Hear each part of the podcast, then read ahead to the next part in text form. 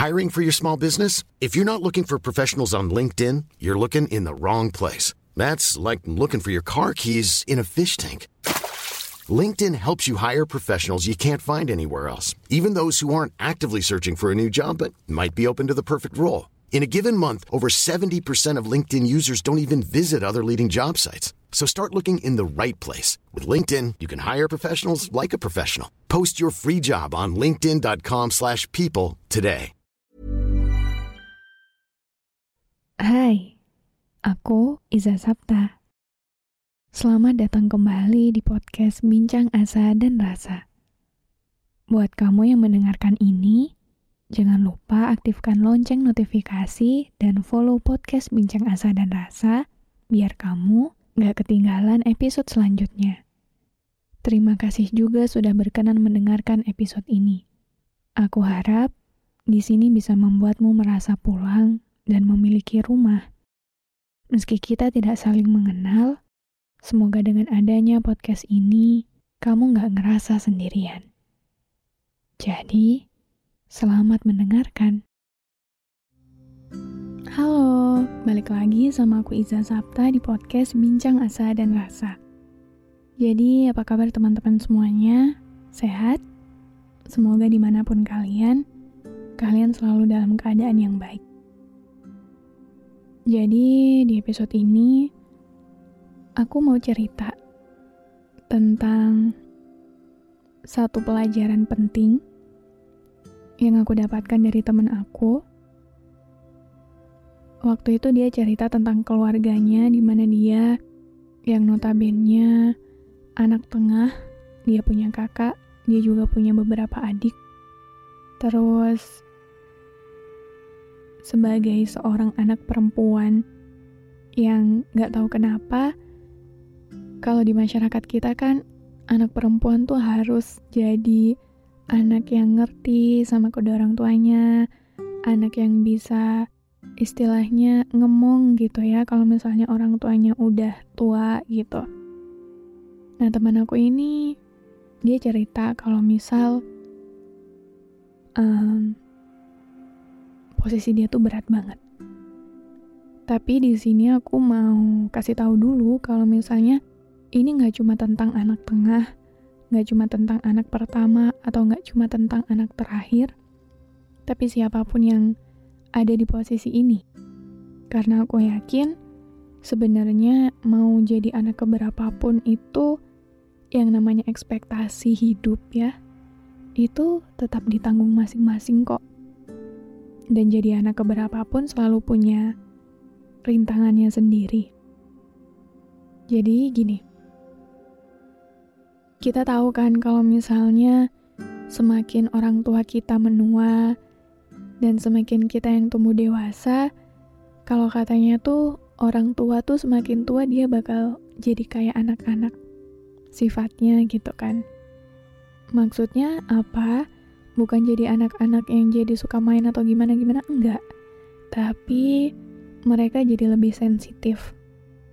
Entah itu perasaannya, entah itu badannya, pokoknya serba sensitif lah. Dan aku juga ngerasain itu sih. Terus, um, temen aku ini ngerasa entah karena mungkin kakaknya sejak kecil itu emang selalu dipersilahkan untuk melakukan apa pun yang dia mau sementara temanku ini harus terus jadi anak yang ngerti. Apakah itu sebuah ekspektasi dari kedua orang tuanya supaya kelak teman aku ini jadi apa ya anggota keluarga yang paling ngerti daripada yang lain atau gimana? Aku nggak tahu. Tapi teman aku bilang kayak gini Za aku tuh sering tahu ngerasa kayak kok aku kayak nggak dianggap ya kok aku kayak nggak diperbolehkan untuk merasakan apa yang aku rasain. Kayak aku gak diperbolehkan untuk jujur sama apa yang lagi aku rasain. Kayak aku gak bisa jadi diri aku sendiri karena tuntutan orang-orang sama aku. Sebagai adik Dan sebagai kakak, aku ngerasa kayak semua tanggung jawab itu dilimpahin ke aku. Entah itu tanggung jawab untuk memastikan kalau semua anggota keluarga ini baik-baik aja. Entah itu tanggung jawab untuk selalu ngerti mereka. Jujur ini berat banget dan sebenarnya aku capek. Aku pernah ada di sebuah masa di mana aku ngerasa kayak ya Allah aku nggak kuat. Kenapa sih aku harus jadi anak tengah? Kenapa sih aku harus dibebankan ekspektasi dan tanggung jawab yang sebenarnya itu bisa loh dilakuin juga sama kakak aku. Akhirnya, dia banyak menanggung luka teman-teman. Dia banyak menanggung luka dan aku tahu banget, aku yakin banget dia punya trauma. Tapi hebatnya adalah dia bilang kayak gini. Aku belajar, ternyata ketika aku menahan semua yang aku rasakan sendiri, sakit aku, trauma aku, nangis aku, semuanya. Walaupun itu perlahan-lahan menyakiti aku sendiri, tapi ternyata ketika aku diam, ketika aku yang ngalah, ketika aku yang merasakan itu sendirian, keluarga aku baik-baik aja. Ternyata ketika aku bisa menahan emosi aku, amarah aku, semua orang baik-baik aja dan aku baik-baik aja. Dan jujur itu bikin aku, aku ya, sakit banget dengernya. Ternyata dia sekuat itu gitu loh dia bener-bener kalau misalnya kalian lihat ya dia bukan orang yang apa ya kelihatan punya banyak beban dia happy dia bener-bener kelihatan baik-baik aja tapi ternyata dia punya luka dan tanggung jawab sebesar itu dan aku yakin banyak banget di antara kalian yang juga ngerasain posisi ini. Ketika kita harus ngalah demi semua anggota keluarga kita, ketika kita harus jadi yang paling ngerti di antara semuanya, itu ternyata sebenarnya karena Tuhan tahu kalau misalnya kita kuat daripada yang lain. Aku juga paham kok kalau misalnya sebagai orang dewasa kita juga punya yang namanya ego, kita punya yang namanya ambisi, kita punya yang namanya perasaan. Tapi kalau udah musuhnya orang tua, kalau udah yang dihadapi itu orang tua sendiri, semua itu bakal susah banget. Dan emang benar, ternyata lebih baik kita yang ngalah.